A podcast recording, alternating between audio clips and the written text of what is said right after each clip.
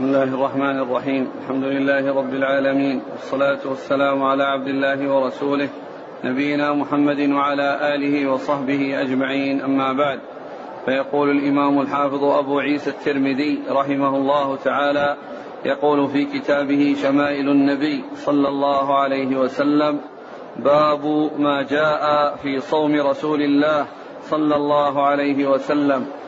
قال حدثنا قتيبة بن سعيد قال حدثنا حماد بن زيد عن أيوب عن عبد الله بن شقيق قال سألت عائشة رضي الله عنها عن صيام رسول الله صلى الله عليه وعلى آله وسلم.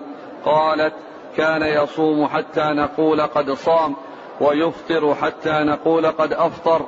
قالت وما صام رسول الله صلى الله عليه وسلم شهرا كاملا منذ قدم المدينة إلا رمضان. الحمد لله رب العالمين وأشهد أن لا إله إلا الله وحده لا شريك له وأشهد أن محمدا عبده ورسوله صلى الله وسلم عليه وعلى آله وصحبه أجمعين.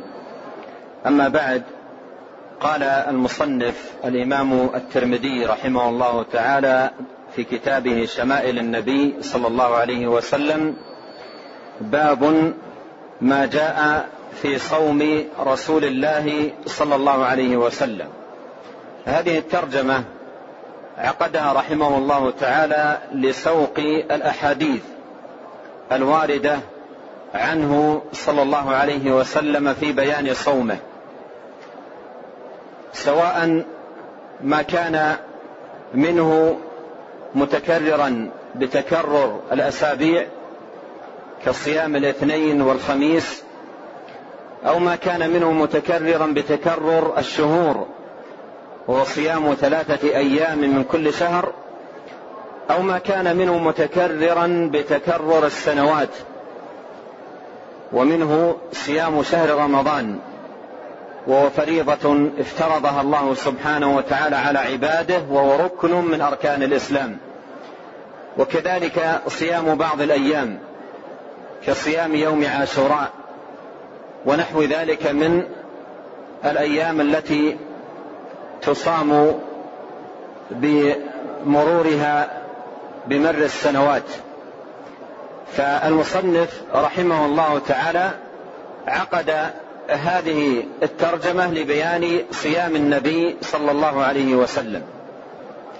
والصيام هنا يتناول ما كان منه فرضا وهو صيام رمضان وما كان نفلا وهو بقية الصيام الذي يشرع صيامه تطوعا وتنفلا وطلبا لثواب الله سبحانه وتعالى وعظيم أجره وموعوده للصائمين.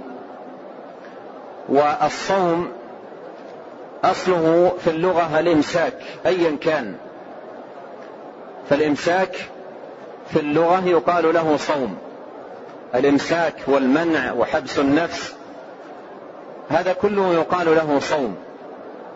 والصوم الشرعي هو الإمساك عن المفطرات من طلوع الشمس إلى غروب من طلوع الفجر إلى غروب الشمس من طلوع الفجر إلى غروب الشمس. والصيام هو في الحقيقة مدرسة تربوية إيمانية يتلقى فيه أهل الإيمان العبر العظيمة والدروس البالغة. ولهذا قال الله سبحانه وتعالى يا أيها الذين آمنوا كتب عليكم الصيام كما كتب على الذين من قبلكم لعلكم تتقون. فهو طاعة جليلة تغرس في القلوب تقوى الله وتحيي في القلوب قوة الصلة بالله عز وجل وتبعث في النفوس البعد عن الحرام واتقاء الآثام واجتناب كل ما يسخط الله تبارك وتعالى ويغضبه. ولهذا فإن الصوم جنة لصاحبه أي وقاية له كما جاء بذلك الحديث عن رسول الله صلى الله عليه وسلم. فهو يعود العبد على الكف والبعد عن كل ما يسخط الله سبحانه وتعالى. لأنه إذا وجد نفسه سلسة منقادة ممتثلة بالامتناع عن المفطرات أيام الصيام فإن هذا يعطي النفس رياضة على البعد عن المحرمات طوال العمر. ولهذا الصيام نوعان. صوم عن المفطرات التي هي الطعام والشراب والشهوة الجماع وهذا فرض على العباد في نهار رمضان. فرض على العباد في نهار رمضان من طلوع الفجر إلى غروب الشمس من كل يوم من أيامه. والنوع الثاني الصيام عن الحرام والبعد عن الآثام وهذا واجب في كل الأوقات في الليل والنهار في جميع الأوقات. يجب على العبد أن يكون صائما عن كل ما يسخط الله سبحانه وتعالى. ولهذا فإن كل جارحة من جوارح الإنسان عليها صيام. الأذن عليها صيام دائم مستمر في كل الأوقات وهو الصيام عن سماع كل محرم. اللسان عليه صيام وهو صيام دائم مستمر. أن يصوم عن الآثام عن الكذب عن الغ... عن آه عن الكذب عن الغيبة عن النميمة عن السخرية إلى غير ذلك من آفات اللسان. العين عليها صيام وهو صيام دائم مستمر وهو الصيام عن النظر إلى الحرام. اليد عليها صيام وهو صيام دائم مستمر وهو منعها من أن تمتد إلى فعل الحرام أو مقارفته. القدم عليه صيام وهو صيام دائم مستمر بمنع القدم من المشي إلى ما يسخط الله جل وعلا ويغضبه.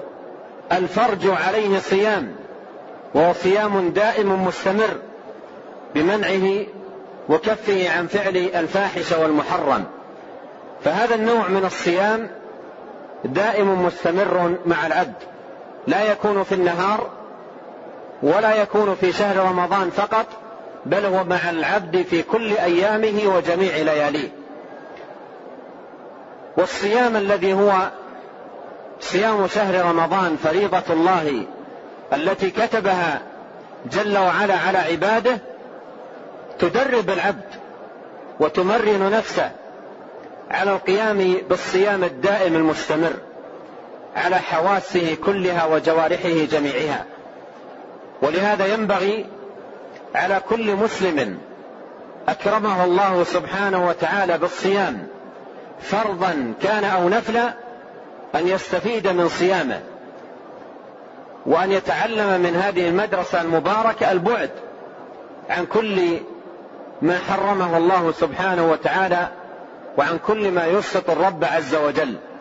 فالصيام مدرسة تربوية أي إيمانية تربي على كل فضيلة. وتعين العبد على كل خير. وتحجزه بإذن الله سبحانه وتعالى عن مخالفة الآثام. ولهذا جاء في الحديث عن النبي عليه الصلاة والسلام أنه قال يا معشر الشباب من استطاع منكم الباء فليتزوج. فليتزوج. فإنه أغض للبصر وأحفظ للفرج. فإن لم يستطع فعليه بالصيام فإنه له وجاء. فعليه بالصيام فإنه له وجاء.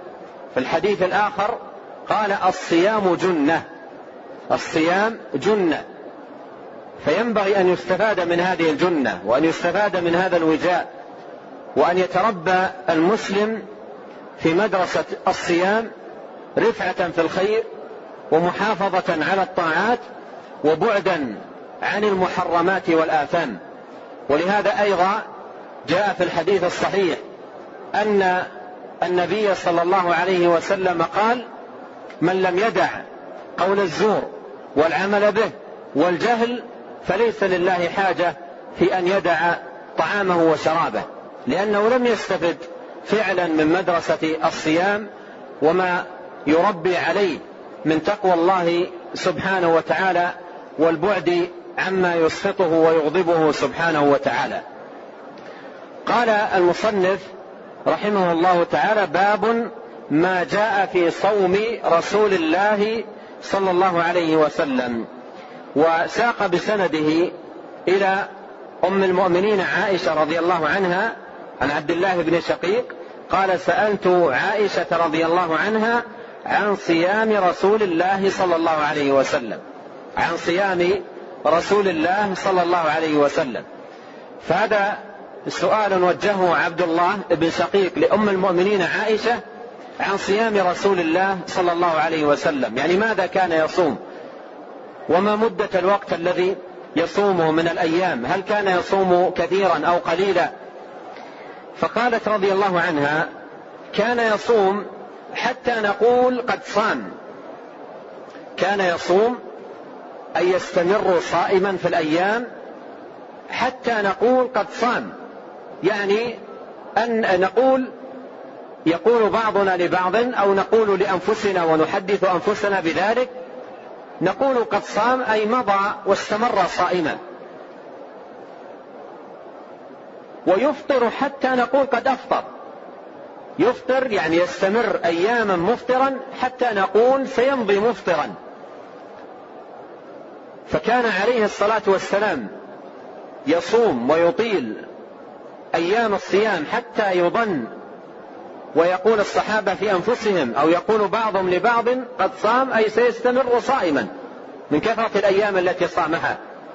ويفطر ويستمر أيضا عليه الصلاة والسلام مفطرا حتى يظن أنه يستمر على الإفطار صلوات الله وسلامه عليه. قالت وما صام رسول الله صلى الله عليه وسلم شهرا كاملا منذ قدم المدينة إلا رمضان. لما أشارت في أول الحديث إلى كثرة صيامه نبهت رضي الله عنها أنه عليه الصلاة والسلام مع كثرة صيامه في بعض الشهور مثل المحرم ومثل شعبان فإنه عليه الصلاة والسلام لم يصم شهرا تاما كاملا بتمامه إلا رمضان فقط. أما الشهور الأخرى التي يكثر من الصيام فيها مثل شعبان فإنه عليه الصلاة والسلام لم يصمه كاملا. لم يصمه كاملا وإنما ترك منه بعض الأيام صام جلة صام أكثره لكنه عليه الصلاة والسلام لم يصمه كاملا. قالت وما صام رسول الله صلى الله عليه وسلم شهرا كاملا منذ قدمت منذ قدم المدينة منذ قدم المدينة. خصت هذا الوقت بالذكر منذ قدم المدينة لأن هذا الوقت هو الذي كثرت فيه الأحكام وتتابعت. بما في ذلك فريضة الصيام. رمضان لم يفرض إلا بعد قدوم النبي عليه الصلاة والسلام إلى المدينة في السنة الثانية من الهجرة. في السنة الثانية من الهجرة. فهي رضي الله عنها خصت هذا الوقت بالذكر قالت منذ قدم المدينة لأن الأحكام توالت وتتابعت وتكاثرت بعد مقدمه صلوات الله وسلامه عليه المدينة. قالت إلا رمضان. إلا رمضان أي رمضان يصومه عليه الصلاة والسلام كاملا وهو فريضة افترضها الله سبحانه وتعالى على عباده وهو ركن من أركان الإسلام. كما مر معنا في الآية الكريمة يا أيها الذين آمنوا كتب عليكم الصيام كما كتب على الذين من قبلكم لعلكم تتقون. فهو فريضة كتبها الله سبحانه وتعالى على عباده. وفي الحديث حديث ابن عمر رضي الله عنهما قال النبي صلى الله عليه وسلم بني الإسلام على خمس شهادة أن لا إله إلا الله وأن محمد رسول الله وإقام الصلاة وإيتاء الزكاة وصوم رمضان وحج بيت الله الحرام. فصوم رمضان فريضة من فرائض الإسلام وركن من أركان الدين. أوجبه الله سبحانه وتعالى على عباده وكتبه عليهم. قالت إلا رمضان أي إلا رمضان فهو الشهر الوحيد الذي كان صلوات الله وسلامه عليه صومه كاملا. أما بقية الشهور التي كان يكثر عليه الصلاة والسلام من صيام أيامها لم يكن يصم شهرا منها كاملا. بل يصوم أكثر الشهر يصوم جلة يترك منه, منه أياما فلم يكن يصم عليه الصلاة والسلام شهرا كاملا إلا شهر رمضان. قالت إلا رمضان. قالت إلا رمضان. وقيل إن هذا الشهر الكريم سمي بهذا الاسم سمي بهذا الاسم رمضان لأنه يرمض الذنوب. أي يذيبها ويزيلها ويحرقها. وهذه من آثار الصيام وثماره العظيمة أنه يكفر الذنوب. وقد قال عليه الصلاة والسلام من صام رمضان إيمانا واحتسابا غفر له ما تقدم من ذنبه وقال عليه الصلاة والسلام رغم أنف امرئ دخل رمضان ثم خرج ولم يغفر له لأنه موسم عظيم لغفران الذنوب وتكفير السيئات ورفعة الدرجات والعتق من النيران. نعم. قال حدثنا علي بن حجر قال حدثنا إسماعيل بن جعفر عن حميد عن أنس رضي الله عنه أنه سئل عن صوم النبي صلى الله عليه وسلم فقال كان يصوم من الشهر حتى نرى الا يريد أن يفطر منه. ويفطر منه حتى نرى الا يريد أن يصوم منه شيئا. وكنت لا تشاء أن تراه من الليل مصليا إلا رأيته إلا رأيته مصليا ولا نائما إلا رأيته نائما. ثم أورد المصنف رحمه الله تعالى هذا الحديث عن حميد عن أنس رضي الله عنه أنه سئل عن صوم النبي صلى الله عليه وسلم. وهذا سؤال وجه إلى أنس نظير السؤال الذي وجه لأم المؤمنين عائشة رضي الله عنها. سئل عن صوم النبي صلى الله عليه وسلم فقال كان يصوم من الشهر حتى نرى أي نظن أن لا يريد أن يفطر منه. يصوم من الشهر يصوم من الشهر حتى نرى أن لا يريد أن يفطر منه. يعني يستمر صائما يبدأ الشهر صائما ويستمر صائما حتى نظن أنه سيتم الشهر كله صائما. حتى نظن أنه سيتم الشهر كله صائما. قال ويفطر منه يعني من الشهر حتى نرى ألا يريد أن يصوم منه شيئا. حتى نرى ألا يريد أن يصوم منه شيئا. فكان عليه الصلاة والسلام يصوم من من من الشهور آه، أياما فيظن الصحابة رضي الله عنهم أنه يستمر أنه سيستمر صائما إلى تمام الشهر. ويفطر أياما حتى يظن الصحابة رضي الله عنهم أنه يستمر مفطرا إلى تمام الشهر. وهذا فيه اعتدال صيامه عليه الصلاة والسلام وفطره فهو كما أخبر عليه الصلاة والسلام عن نفسه أصوم وأفطر. لما قال قائل متقالا عبادة النبي صلى الله عليه وسلم أصوم الدهر كله قال أما أنا أصوم وأفطر. أما أنا أصوم وأفطر. فكان عليه الصلاة والسلام في صيامه وفطره صلى الله عليه وسلم اعتدال يصوم حتى يظن أنه لا يفطر ويفطر حتى لا حتى يظن أنه عليه الصلاة والسلام لا يصوم. قال أنس وكنت لا تشاء أن تراه من الليل مصليا إلا رأيته مصليا ولا نائما إلا رأيته نائما. هذا معدود عند أهل العلم في باب السخاء في العلم في باب السخاء في العلم لأن السؤال الذي وجه لأنس رضي الله عنه إنما هو عن صيام النبي. عليه الصلاة والسلام فأعطاه على قدر سؤاله وزاده أيضا خيرا. وزاده خيرا. النبي عليه الصلاة والسلام سئل عن الوضوء بماء البحر. قال هو الطهور ماؤه والحل ميتته. والحل ميتته. الحل ميتته هذا زائد على السؤال الذي وجه إليه عليه الصلاة والسلام. قال رضي الله عنه وكنت لا تشاء أن تراه من الليل مصليا إلا رأيته مصليا ولا نائما إلا رأيته نائما. أي أنه عليه الصلاة والسلام في لياليه لنومه حظ ولصلاته حظ. وهذا فيه اعتدال هديه وتوسطه صلوات الله وسلامه عليه. ولما قال القائل أما أنا أصو أما أنا أصلي ولا أرقد أصلي ولا أرقد فقال عليه الصلاة والسلام عليه الصلاة والسلام أما أنا أصلي وأرقد. للياليه حظ من الصلاة ولياليه أيضا حظ من النوم صلوات الله وسلامه عليه. ولهذا يقول أنس وكنت لا تشاء أن تراه من الليل مصليا إلا رأيته مصليا ولا نائما إلا رأيته نائما. فهو عليه الصلاة والسلام يصلي ويرقد. له من ليله لصلاته من ليله حظ ولنومه أيضا من ليله حظ. فهذا فيه اعتدال النبي صلوات الله وسلامه عليه. وجواب أنس عن هذا السؤال هو نظير جواب أم المؤمنين عائشة رضي الله عنها المتقدم في الحديث الذي قبله. نعم.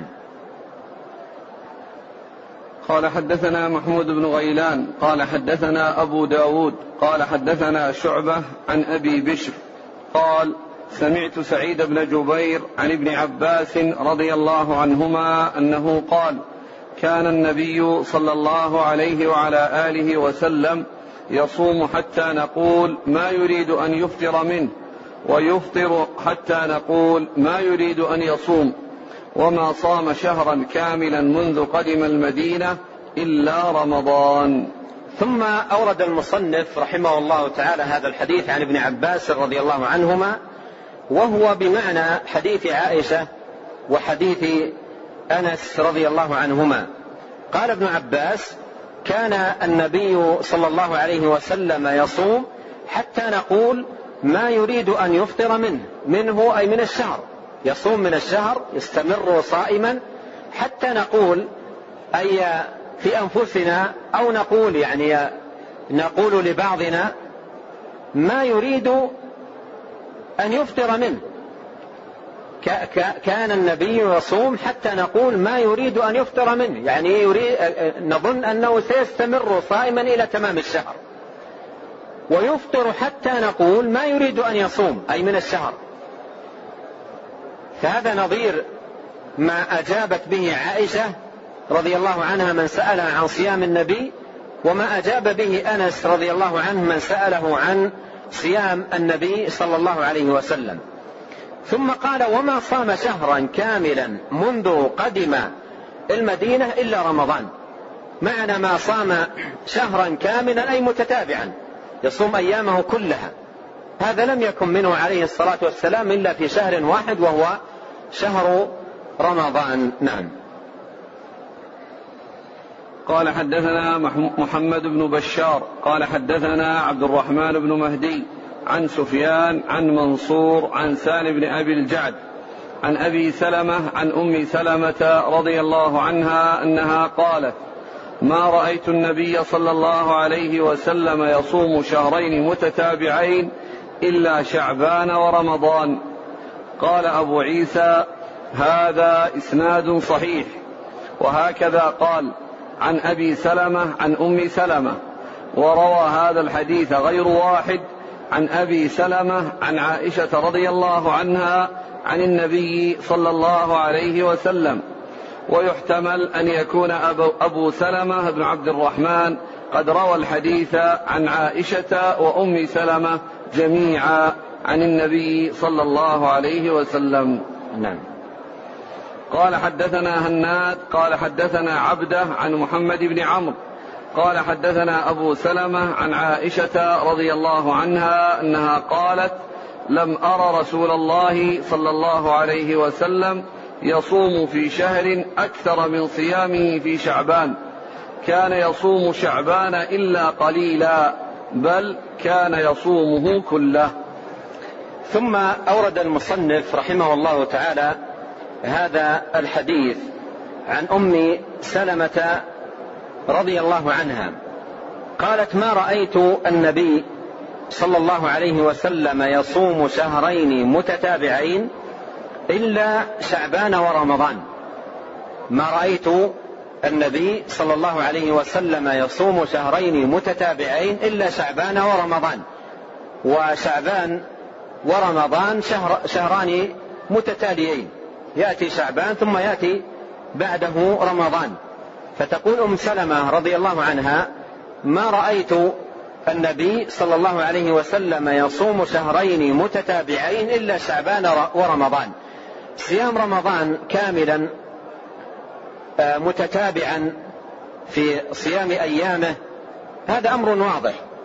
وهو شهر كتب الله سبحانه وتعالى صيامه على العباد.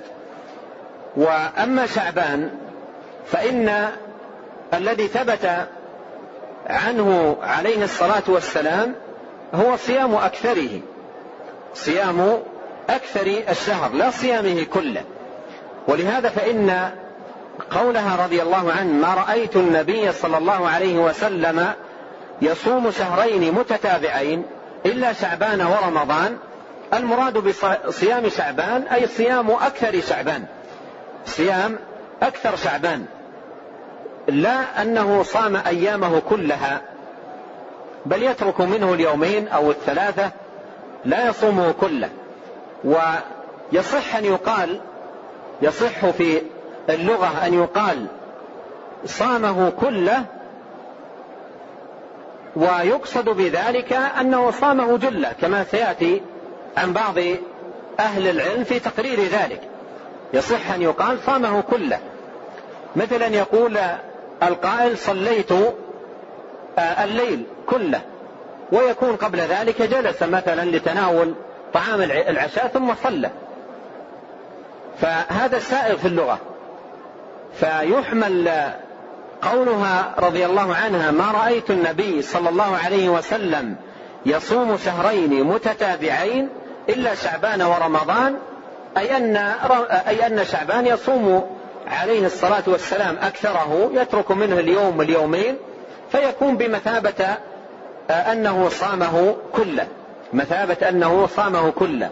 فهذا معنى قولها آه، رضي الله عنها ما رأيت النبي صلى الله عليه وسلم يصوم شهرين متتابعين إلا شعبان ورمضان.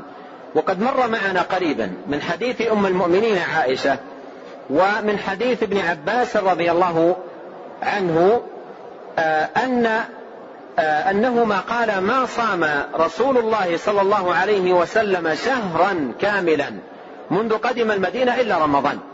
ما صام شهرا كاملا منذ قدم المدينة إلا رمضان. فرمضان هو الشهر الوحيد الذي كان يصومه عليه الصلاة والسلام كاملا يعني يصوم جميع أيامه. لكن شعبان كان يكثر عليه الصلاة والسلام من صيامه. يترك منه اليوم اليومين الثلاثة لكن لا يصومه كاملا. فيحمل ما جاء من الأحاديث مثل حديث أم سلمة هذا على كثرة صيام النبي عليه الصلاة والسلام في شعبان بأن يصوم جلة يصوم أكثره يترك منه اليوم اليومين الثلاثة. هذا هو المراد بقولها رضي الله عنها يصوم شهرين متتابعين آه، إلا شعبان ورمضان. قال أبو عيسى الترمذي رحمه الله هذا إسناد صحيح. وهكذا قال عن أبي سلمة عن أم سلمة. يعني هكذا جاء الحديث آه، عن أبي سلمة يرويه عن أم سلمة. هكذا جاء الحديث في هذا الإسناد عن أبي سلمة يرويه عن أم سلمة. وروى هذا الحديث غير واحد عن أبي سلمة عن عائشة.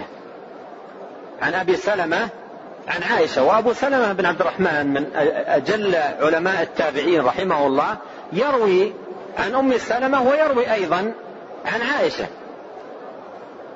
ولهذا نبه المصنف رحمه الله تعالى إلى احتمال أن يكون رواه عن عنهما عن, عن عائشة وعن أم سلمة معا.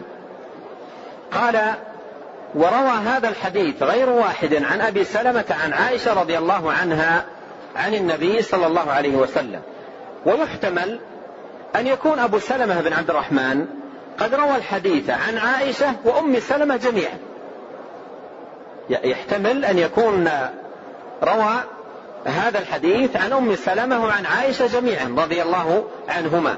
هذا محتمل لأنه أيضا هو ممن روى عن عائشة وروى أيضا عن أم سلمة.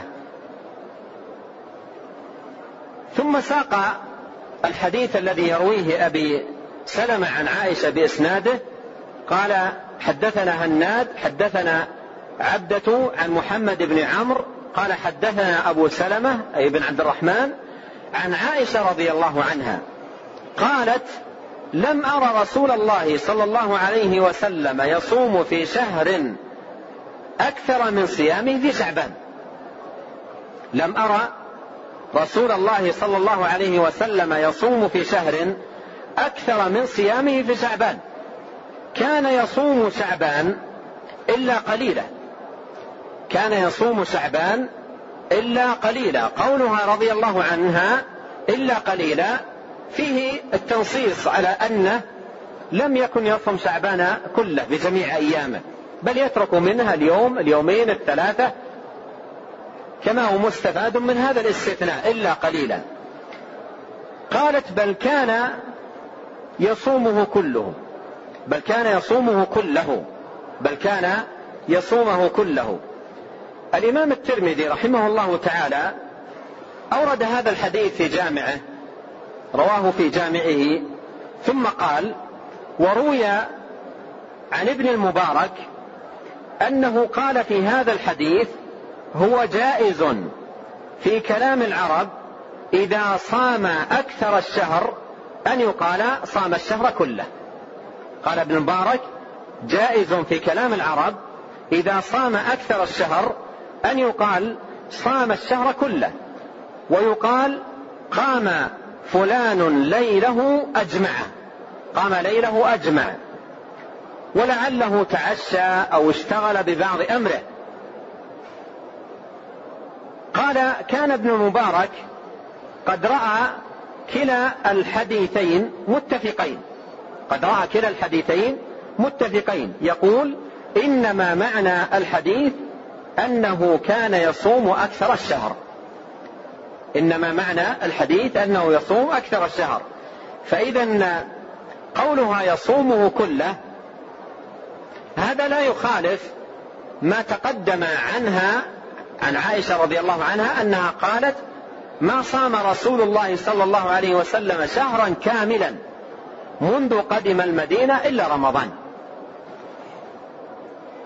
فإذا إذا أردنا التوفيق بين قولها هنا كان يصومه كله وبين قولها المتقدم ما صام رسول الله صلى الله عليه وسلم شهرا كاملا منذ قدم إلا رمضان فالتوفيق بما ذكره ابن المبارك رحمه الله فيما نقله الترمذي ألا وهو أن الحديثين متفقين بحيث يحمل الحديث الأخير وهو قولها آه، رضي الله عنها بل صامه كله المراد بكله أي جله أي أكثره.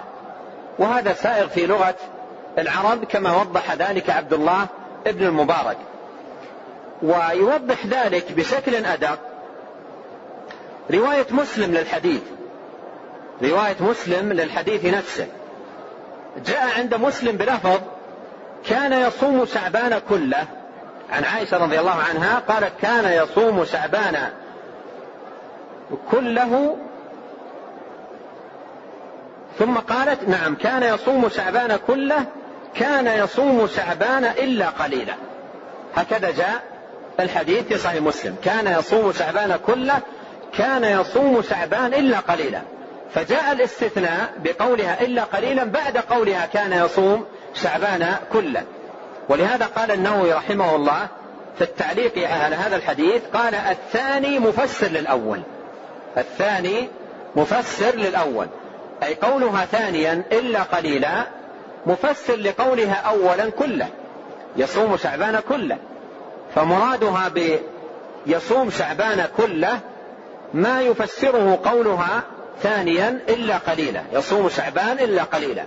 خلاصة القول أن النبي عليه الصلاة والسلام لم يصم شعبان كاملا لم يصم شعبان كاملا وإنما كان يصوم أكثر شعبان. يترك منه اليومين أو الثلاثة أو نحو ذلك يصوم أكثر شعبان حتى وصف بهذه الصفة يصوم كله وحتى وصف كما جاء في حديث أم سلمة يصوم الشهرين المتتابعين شعبان ورمضان مرادها بذلك إكثاره عليه الصلاة والسلام من الصيام في آه، شهر شعبان بحيث يصوم أكثر أيام شهر شعبان. فيصح أن يقال صامه كله. فيحمل إذا قول عائشة رضي الله عنها بل كان يصومه كله على المبالغة. يحمل على المبالغة في الصيام والإكثار من الصيام في هذا آه، الشهر. وقلة ما كان يتركه عليه الصلاة والسلام من الأيام في هذا الشهر فلا يصومه. فهو يصوم أكثر الشهر لكن يترك منه اليوم واليومين وفيما يتعلق بالحكمة من صيام النبي عليه الصلاة والسلام لشعبان وإكثاره من الصيام فيه وصيامه لجل هذا الشهر جاء ما يبين الحكمة من ذلك في حديث أسامة بن زيد.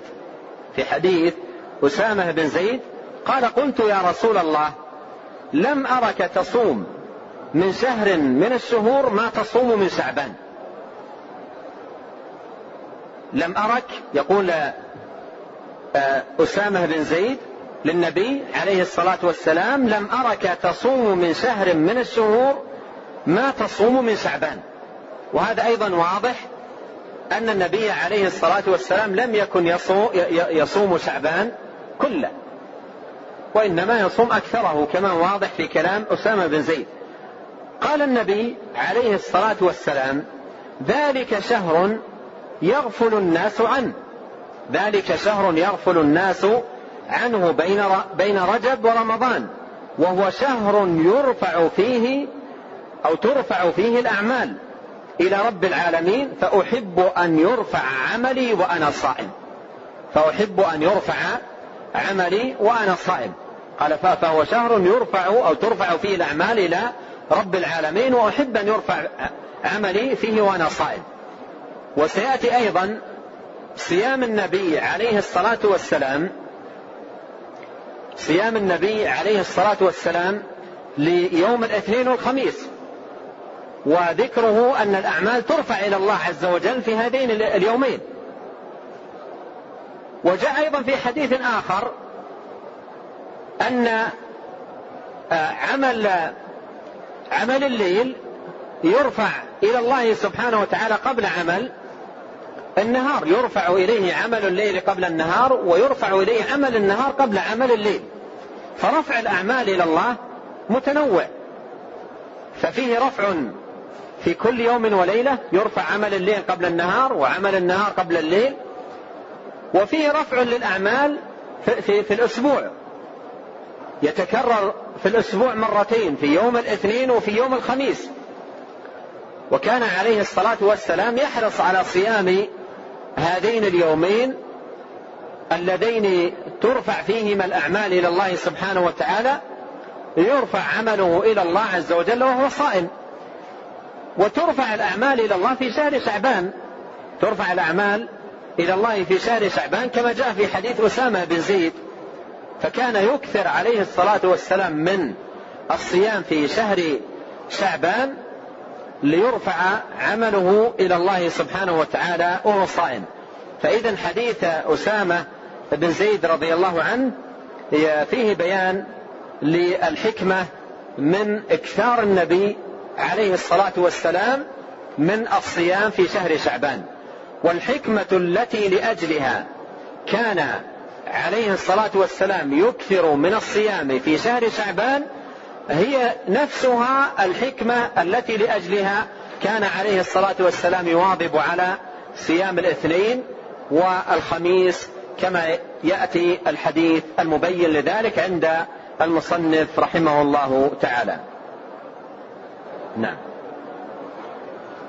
قال حدثنا القاسم بن دينار الكوفي قال حدثنا عبيد الله بن موسى وطلق بن غنام عن شيبان عن عاصم عن زر بن حبيش عن عبد الله رضي الله عنه أنه قال كان رسول الله صلى الله عليه وسلم يصوم من غرة كل شهر ثلاثة أيام وقلما كان يفطر يوم الجمعة.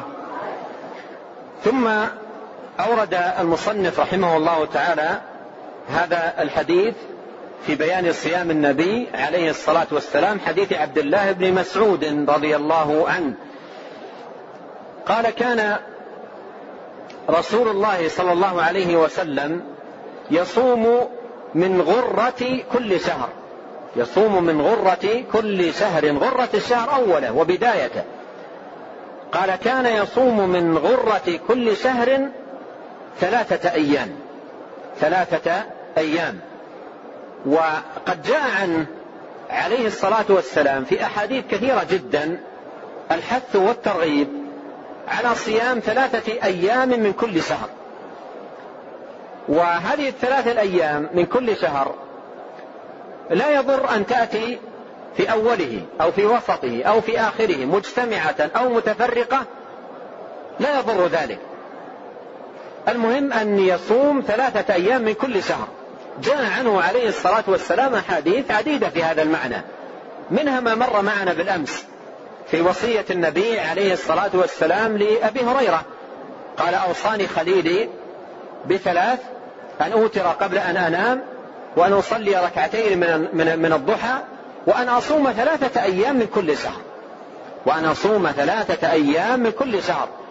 ويصدق هذا الوصف على العبد إذا صامها من غرة الشهر أوله أو صامها في وسط الشهر وهي أيام البيض وقد ورد فيها فضل مخصوص أو صامها في آخر الشهر أو صامها متفرقة في أوله أو في آخره كل ذلك يصدق عليه أنه صام ثلاثة أيام من كل شهر.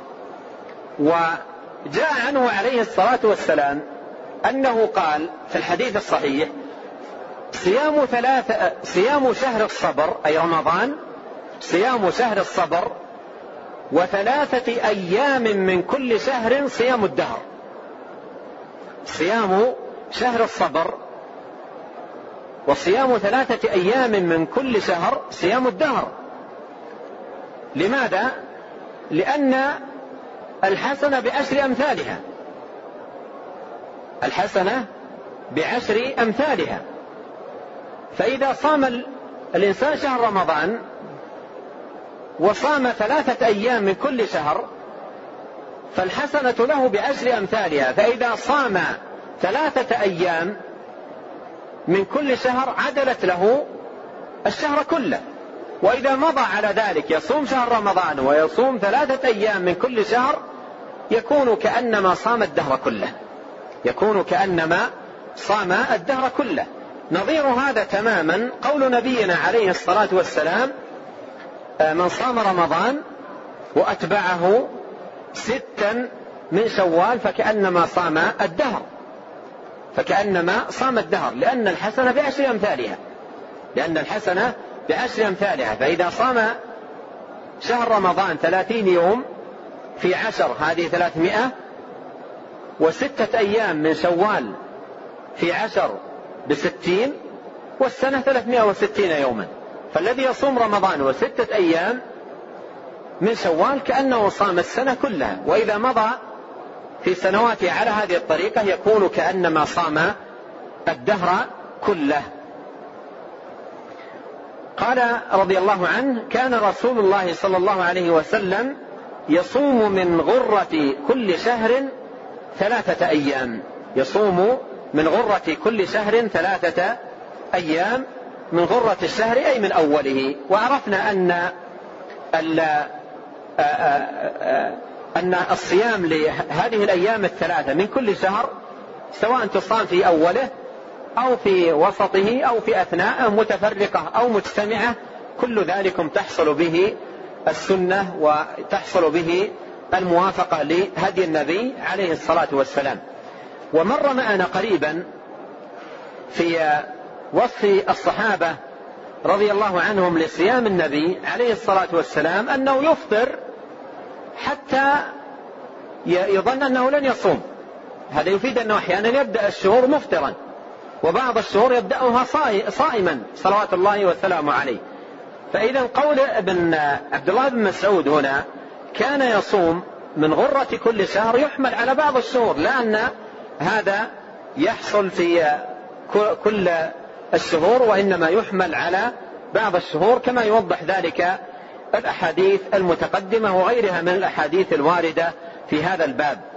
ثم قال عبد الله وقلما كان يفطر يوم الجمعة. وقلما كان يفطر يوم الجمعة.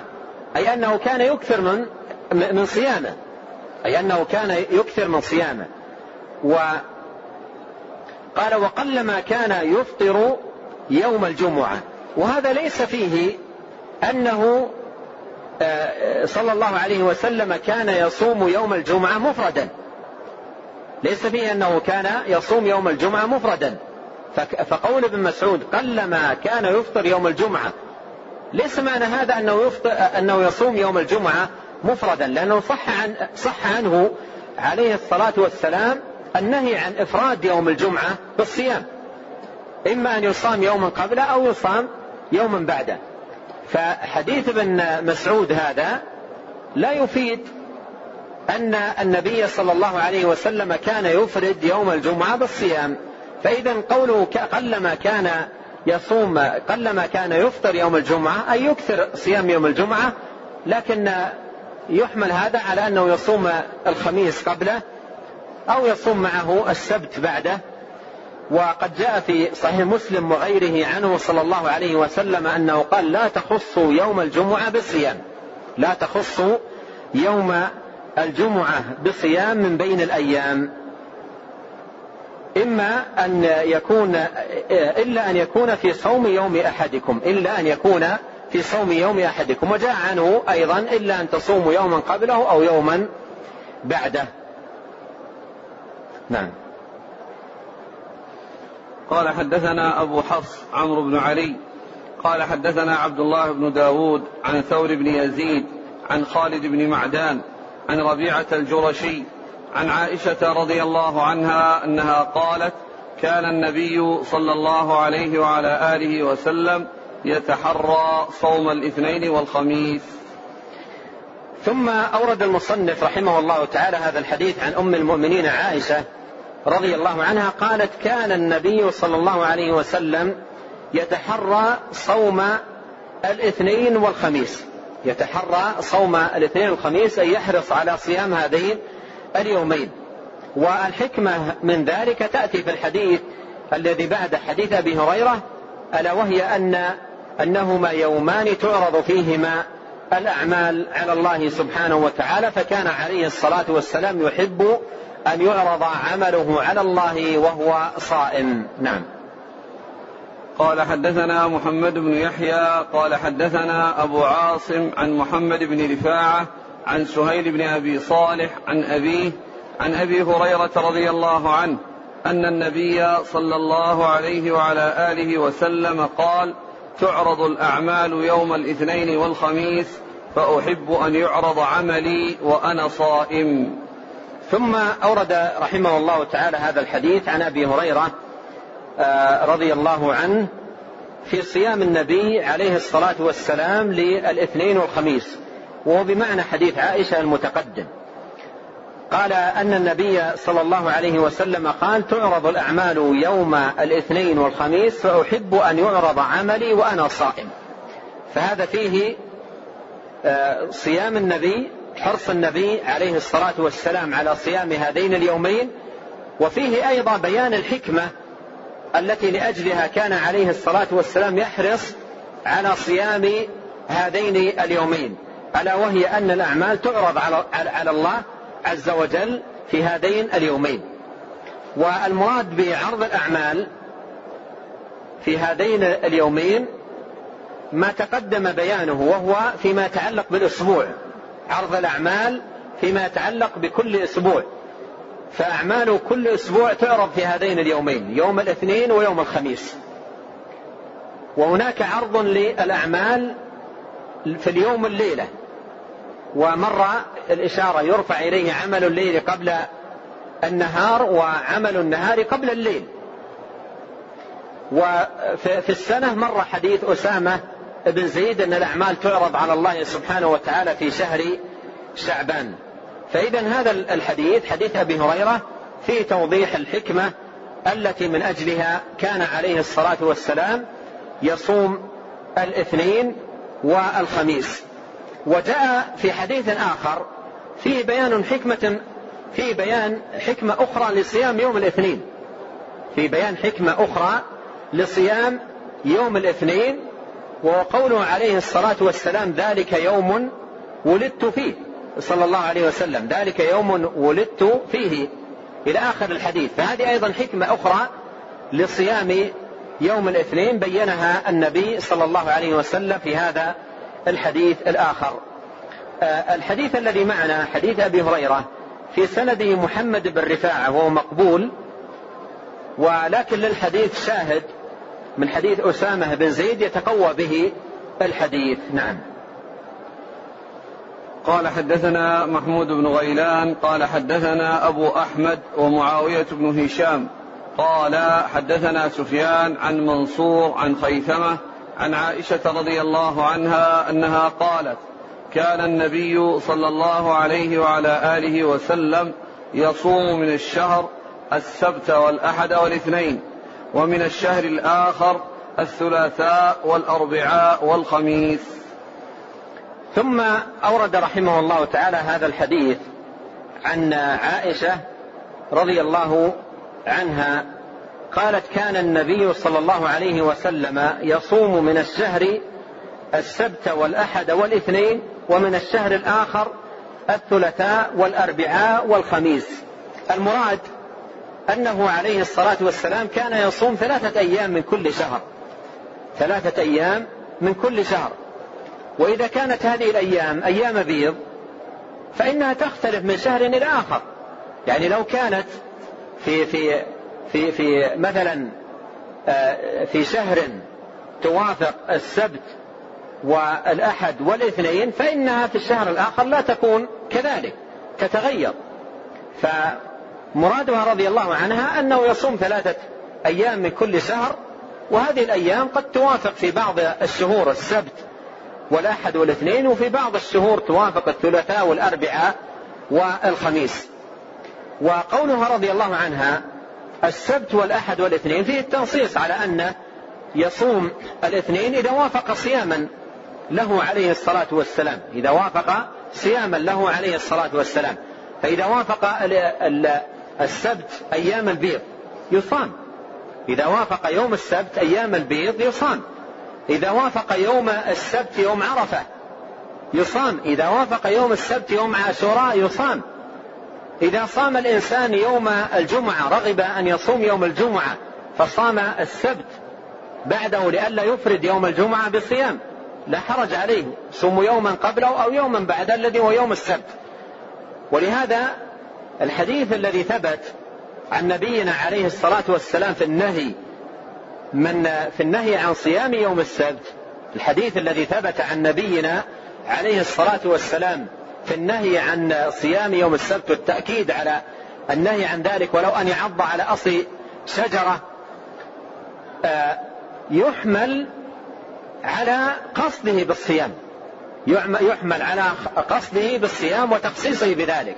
أما إذا وافق صياما للعبد مثل ما جاء هنا وافق صيام البيض أو مثلا وافق صيام عاشوراء أو وافق صيام الست من شوال أو وافق صيام يوم عرفة أو أنه صام يوم الجمعة رغب أن يصوم يوم الجمعة فأتبعه بصيام يوم السبت صوم يوما قبله أو يوما بعده فلا حرج على عليه في ذلك. ولهذا قال ابن تيمية رحمه الله في كتاب اقتضاء الصراط المستقيم وغيره من أهل العلم أن المراد بالحديث أن يقصد أن يقصد بالصيام. أن يقصد بالصيام. أما إذا وافق صياما للعبد فإنه يصوم ولا حرج عليه في ذلك كما يوضح ذلك هذا الحديث.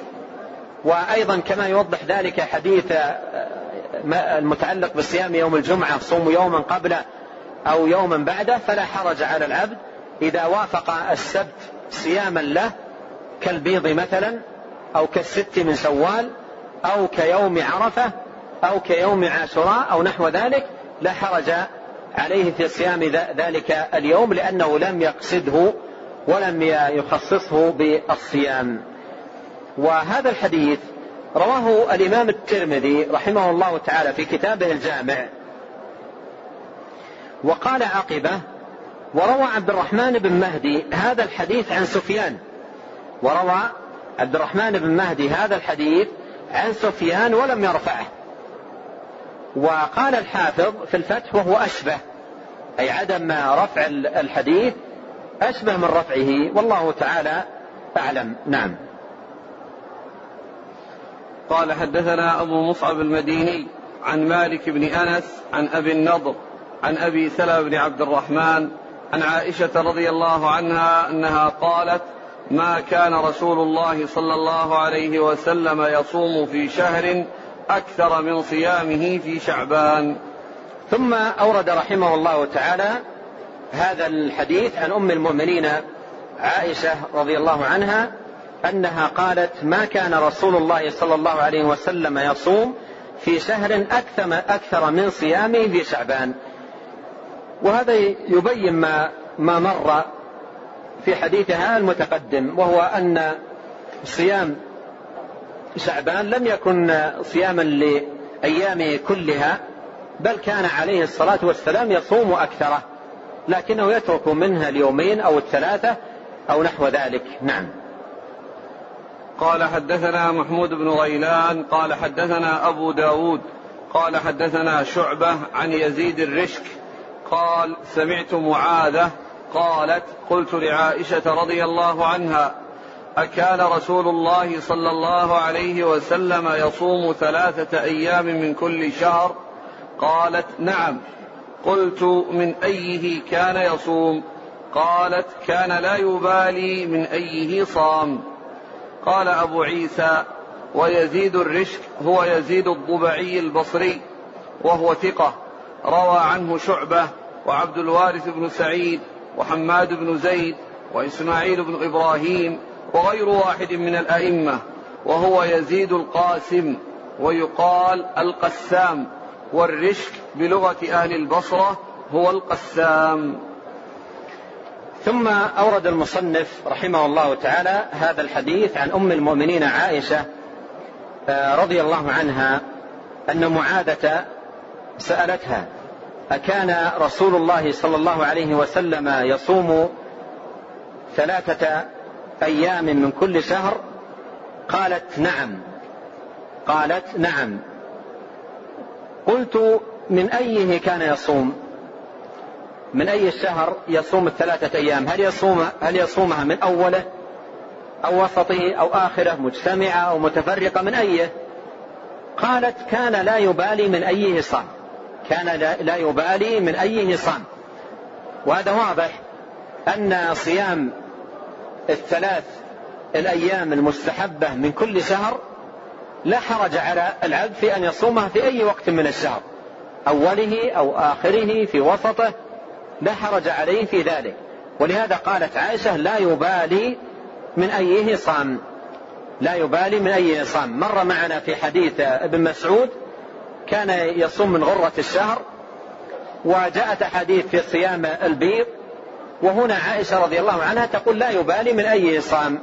فإذا الأيام الثلاثة المستحبة المستحب صيامها من كل شهر لا لا لا ضير ولا حرج في أن تصام مجتمعة في أول الشهر أو في وسطه أو في آخره أو تصام متفرقة في في أوله في وسطه في آخره لا حرج على على المسلم في ذلك. كما قالت عائشة لا يبالي من أيه صام أي من أي وقت أو من أي أيام الشهر صام صلوات الله وسلامه عليه. وهذه الأيام الثلاثة جاء في آه، في في صيامها فضائل أشرت إلى الحديث المتقدم من صام شهر الصبر وثلاثة أيام من كل شهر آه، صيام شهر الصبر وثلاثة أيام من كل آه، من كل شهر صوم الدهر. وقال أيضا فيما صح عنه عليه الصلاة والسلام صيام شهر الصبر وثلاثة أيام من كل شهر يذهبن وحر الصدر. يذهبن وحر الصدر يعني مفيدة فائدة عظيمة في تنقية في تنقية النفس وتزكيتها وتطهيرها. وراجع إلى المعنى الذي بدأنا فيه أولا وهو أن الصيام تزكية وتحقيق لتقوى الله سبحانه وتعالى وجنة للعبد ووجاء له. نعم. ثم قال رحمه الله ويزيد الرزق ويزيد الرزق هو يزيد الضبعي البصري وهو ثقة. هنا عرف رحمه الله تعالى بيزيد الرزق. ويزيد هذا تقدم معنا في الحديث رقم 288 بالإسناد هذا نفسه محمود بن غيلان حدثنا أبو داود عن شعبة عن يزيد الرزق قال سمعت معاذة الإسناد نفسه تقدم معنا برقم 280 لكن السؤال هناك كان عن صلاة الضحى سؤال معاذة عن صلاة الضحى وسؤالها هنا عن صيام النبي عليه الصلاة والسلام. وحق هذه الترجمة أن تكون مقدمة في الموضع الأول. حقها أن تكون مقدمة في الموضع الأول. وقد يكون الترمذي رحمه الله له مقصد في تأخيرها لهذا الموضع في توثيقه ليزيد ليزيد قد يكون له آه، غرض في تأخيرها في هذا الموضع. قال ويزيد الرزق هو يزيد الضبعي البصري وهو ثقة. روى عنه شعبة وعبد الوارث بن سعيد وحماد بن زيد وإسماعيل بن إبراهيم وغير واحد من الأئمة. وهو يزيد القاسم ويقال القسام. ويزيد القاسم ويقال القسام. قيل إن أنه كان يعمل في قسم الدور. قيل إنه كان يعمل في قسم الدور ولهذا يقال له القاسم ويقال له القسام ويقال له الرزق. وهي بلغة أهل البصرة القسام. وهي بلغة أهل البصرة القسام فالرزق لقب له لما كان يعرف عنه من قسم الدور فلقب بذلك. يزيد الرزق. نعم. قال حدثنا هارون بن إسحاق الهمداني قال حدثنا عبدة بن سليمان عن هشام بن عروة عن أبيه عن عائشة رضي الله عنها أنها قالت كان عاشوراء يوما تصومه قريش في الجاهلية وكان رسول الله صلى الله عليه وسلم يصومه فلما قدم المدينة صامه وأمر بصيامه فلما افترض رمضان كان رمضان هو الفريضة وترك عاشوراء فمن شاء صامه ومن شاء تركه. ثم أورد المصنف رحمه الله تعالى هذا الحديث في صيام النبي عليه الصلاة والسلام وهو يتعلق بصيام يوم عاشوراء. ويوم عاشوراء هو اليوم العاشر من شهر الله المحرم. هو اليوم العاشر من شهر الله المحرم وصيام هذا اليوم هو صيام شكر لله سبحانه وتعالى لأنه اليوم الذي نجى الله سبحانه وتعالى فيه آه، موسى وقومه وأهلك فيه فرعون وقومه. فصامه موسى عليه السلام شكرا لله سبحانه وتعالى وصامه النبي عليه الصلاة والسلام والمؤمنون شكرا لله عز وجل وقد قال عليه الصلاة والسلام نحن أحق بموسى منهم أي من اليهود. فكان عليه الصلاة والسلام يصوم هذا اليوم وأمر بصيامه شكرا لله سبحانه وتعالى.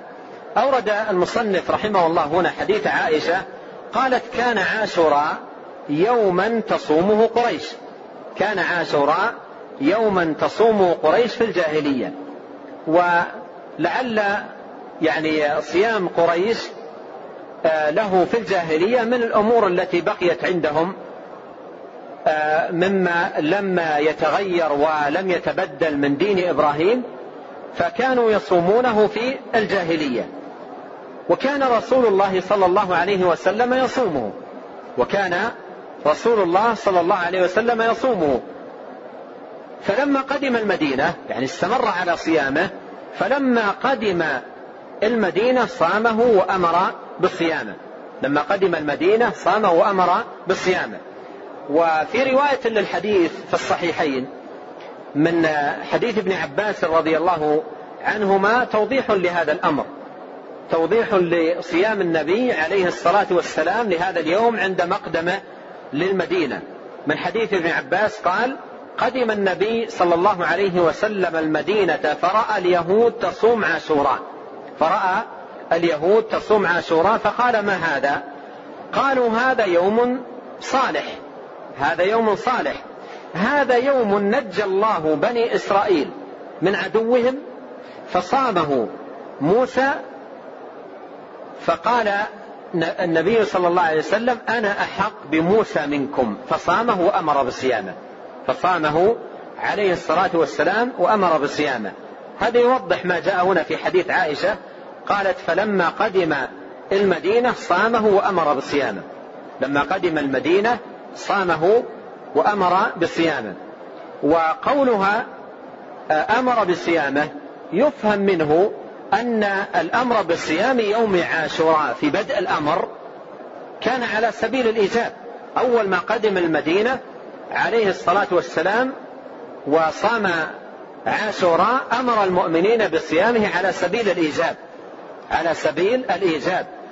قال فلما قدم المدينة صامه وأمر بصيامه.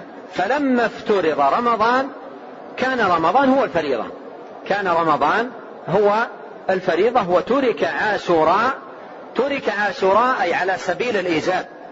ترك عاشوراء أي على سبيل الإيجاب. فهذا يفهم من أن صيام عاشوراء قبل فرض. صيام رمضان ومن المعلوم أن رمضان فرض في السنة الثانية من الهجرة. فكان صيام عاشوراء أي في السنة الأولى من الهجرة واجبا.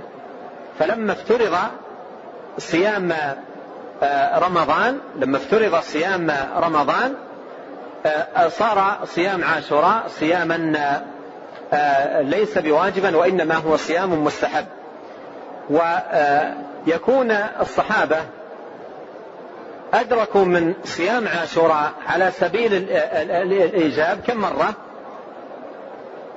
السنة الأولى الشهر الأول من السنة الأولى الهجرة والسنة الثانية أيضا من الهجرة ثم في السنة الثانية فرض رمضان فيكونون صاموا رمضان صاموا عاشوراء على سبيل الإيجاب مرتين مرة في السنة الأولى من الهجرة ومرة في السنة الثانية من الهجرة ثم بعد ذلك في السنة الثانية من الهجرة في الشهر التاسع الذي هو شهر رمضان.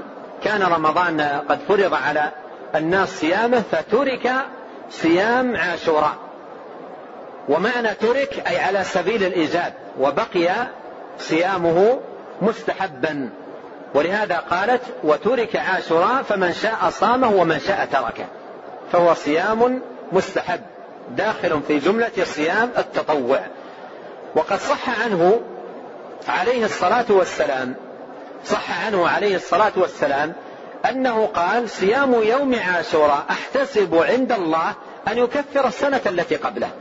صيام يوم عاشوراء أحتسب عند الله أن يكفر السنة التي قبله. وصح عنه عليه الصلاة والسلام أنه قال لئن بقيت إلى قابل لأصومن التاسع والعاشر. والمراد بذلك مخالفة اليهود. مخالفة اليهود فكانوا يصومون عاشوراء وهو عليه الصلاة والسلام والمؤمنون أحق بموسى منهم فزاد التاسع مخالفة لليهود. ولهذا قال لئن بقيت إلى آه، التاسع لأصومن لئن بقيت إلى قابل لأصومن التاسع والعاشر أي من أجل المخالفة. ولهذا يستحب للمسلم في شهر الله المحرم أن يصوم اليوم التاسع والعاشر. العاشر إدراكا لفضيلته والتاسع من أجل مخالفة آه، مخالفة اليهود. ثم إن من الأمور التي قدرها الله سبحانه وتعالى وقضاها في ذلك اليوم أن الحسين آه، رضي الله عنه وأرضاه وهو وأخيه الحسن سيد شباب أهل الجنة ولهما من الفضل والمكانة والمحبة في قلوب المؤمنين أمر لا يخفى قدر الله سبحانه وتعالى أن يقتل في يوم عاشوراء ظلما. قدر الله عز وجل أن يقتل في يوم عاشوراء ظلما. فترتب على على قتله في ذلك اليوم نشأة بدعتين. ترتب على قتله في هذا اليوم نشأة بدعتين آه، لا أصل لهما ولا أساس. لا أصل لهما ولا أساس وأخذت بأصحاب هذين أصحاب هاتين البدعتين مأخذا بعيدا عن السنة المطلوبة من كل مسلم في يوم عاشوراء وهو صيامه شكرا لله سبحانه وتعالى. وهذا من القدر العجيب. يعني قدر الله سبحانه وتعالى أن يقتل الحسين ظلما في يوم عاشوراء ثم نشأ عن على إثر ذلك في, في, في الناس بدعتين. بدعة اتخذوا يوم عاشوراء مع تكرر السنوات يوم مناحة وبكاء. يوم مناحة وبكاء على قتل الحسين ظلما. فيجتمعون آه، في آه، يوم عاشوراء على النياحة.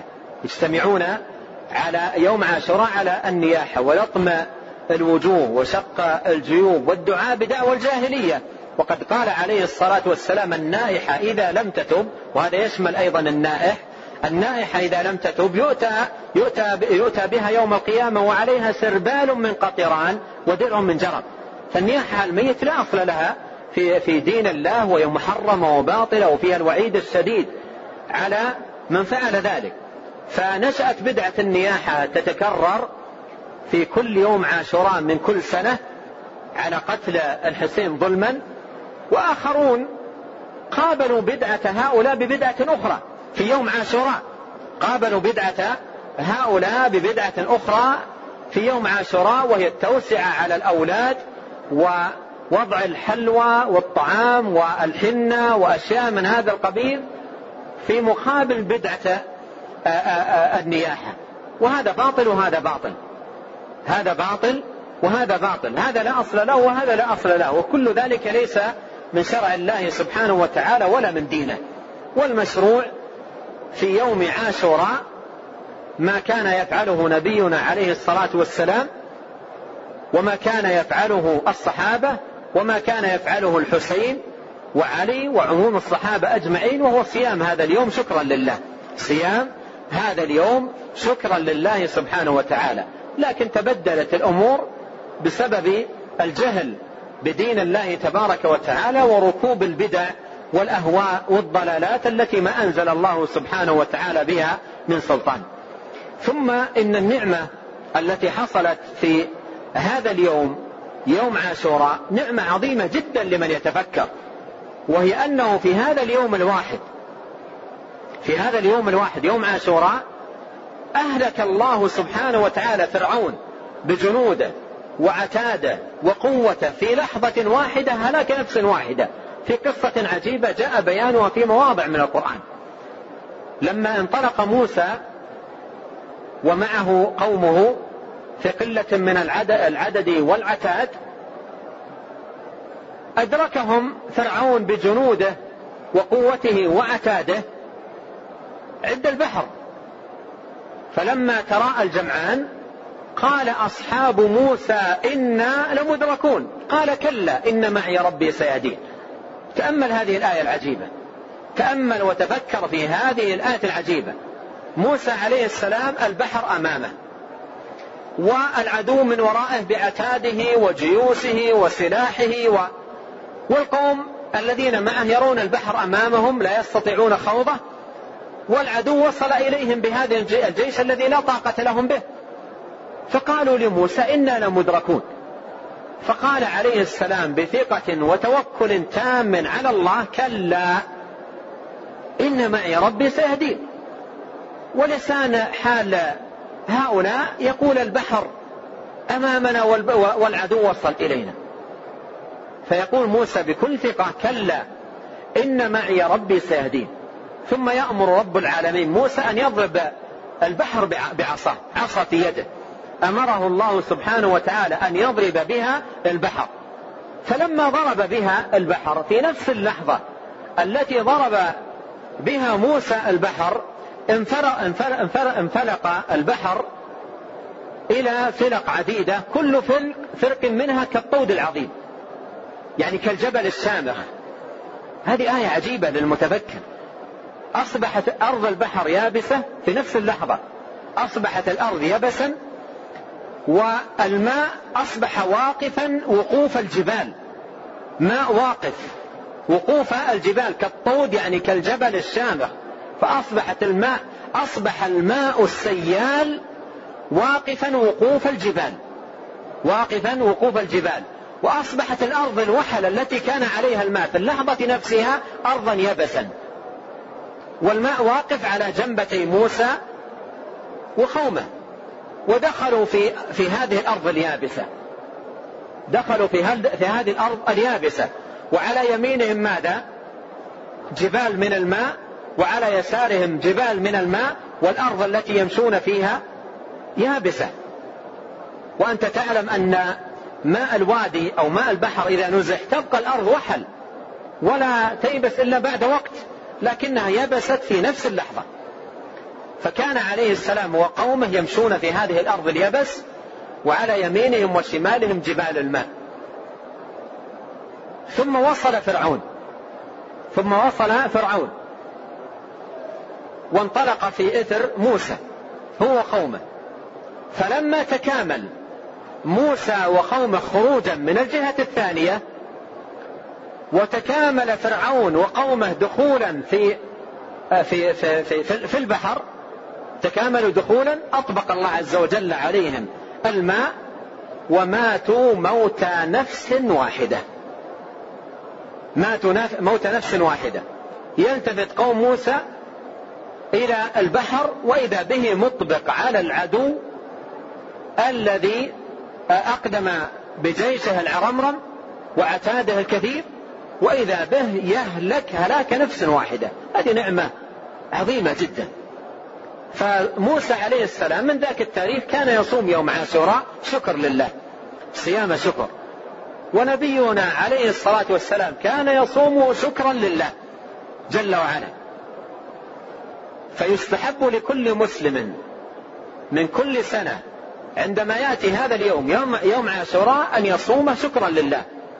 أن يصومه شكرا لله سبحانه وتعالى وأن يصوم معه التاسع مخالفة لليهود كما وجه إلى ذلك وأرشد نبينا صلوات الله وسلامه عليه. نعم. قال حدثنا محمد بن بشار قال حدثنا عبد الرحمن بن مهدي قال حدثنا سفيان عن منصور عن إبراهيم عن علقمة قال سألت عائشة رضي الله عنها أكان رسول الله صلى الله عليه وسلم يخص شيئا من الأيام؟ قالت كان عمله ديمة وأيكم يطيق ما كان رسول الله صلى الله عليه وسلم يطيق. ثم أورد رحمه الله تعالى هذا الحديث وكذلك الأحاديث التي بعده وهي ليست مختصة بالصيام الذي هو موضع موضع الترجمة. لكن المصنف رحمه الله أورده لأن الصيام يدخل في عموم ذلك. أورده لأن الصيام يدخل في عموم, عموم ذلك. فهذا الحديث ليس من الأحاديث المختصة بالصيام لكن الصيام داخل في عموم ذلك. ولعلنا نرجع الكلام على هذا الحديث حديث أم المؤمنين عائشة والأحاديث التي بعده إلى لقاء الغد بإذن الله تبارك وتعالى. والله تعالى أعلم. ونسأل الله عز وجل أن يتقبل منا جميعا صالح أعمالنا وأن يسددنا جميعا وأن يوفقنا لصالح الأعمال وسديد الأقوال وأن يصلح لنا ديننا الذي هو عصمة أمرنا وأن يصلح لنا دنيانا التي فيها معاشنا وأن يصلح لنا آخرتنا التي فيها معادنا وأن يجعل الحياة زيادة لنا في كل خير والموت راحة لنا من كل شر. اللهم أصلح ذات بيننا وألف بين قلوبنا واهدنا سبل السلام وأخرجنا من الظلمات إلى النور. وبارك لنا في أسماعنا وأبصارنا وأزواجنا وذرياتنا وأموالنا وأوقاتنا واجعلنا مباركين أينما كنا. اللهم أعنا على صيام شهر رمضان وقيامه على الوجه الذي يرضيك. اللهم اجعلنا فيه من عتقائك من النار. اللهم أصلح لنا شأننا كله. اللهم أعنا ولا تعن علينا. وانصرنا ولا تنصر علينا وامكر لنا ولا تمكر علينا. واهدنا ويسر الهدى لنا. وانصرنا على من بغى علينا. اللهم اجعلنا لك شاكرين لك ذاكرين إليك أواهي أواهين إليك منيبين لك مخبتين لك مطيعين. اللهم تقبل توبتنا واغسل حوبتنا وثبت حجتنا واهد قلوبنا وسدد ألسنتنا واسلل سخيمة صدورنا. اللهم اغفر لنا. ولوالدينا وللمسلمين والمسلمات والمؤمنين والمؤمنات الأحياء منهم والأموات. إنك أنت الغفور الرحيم. والله تعالى أعلم. وصلى الله وسلم وبارك وأنعم على عبده ورسوله نبينا محمد وآله وصحبه أجمعين. جزاكم الله خيرا. سبحانك اللهم وبحمدك. أشهد أن لا إله إلا أنت. أستغفرك وأتوب إليك.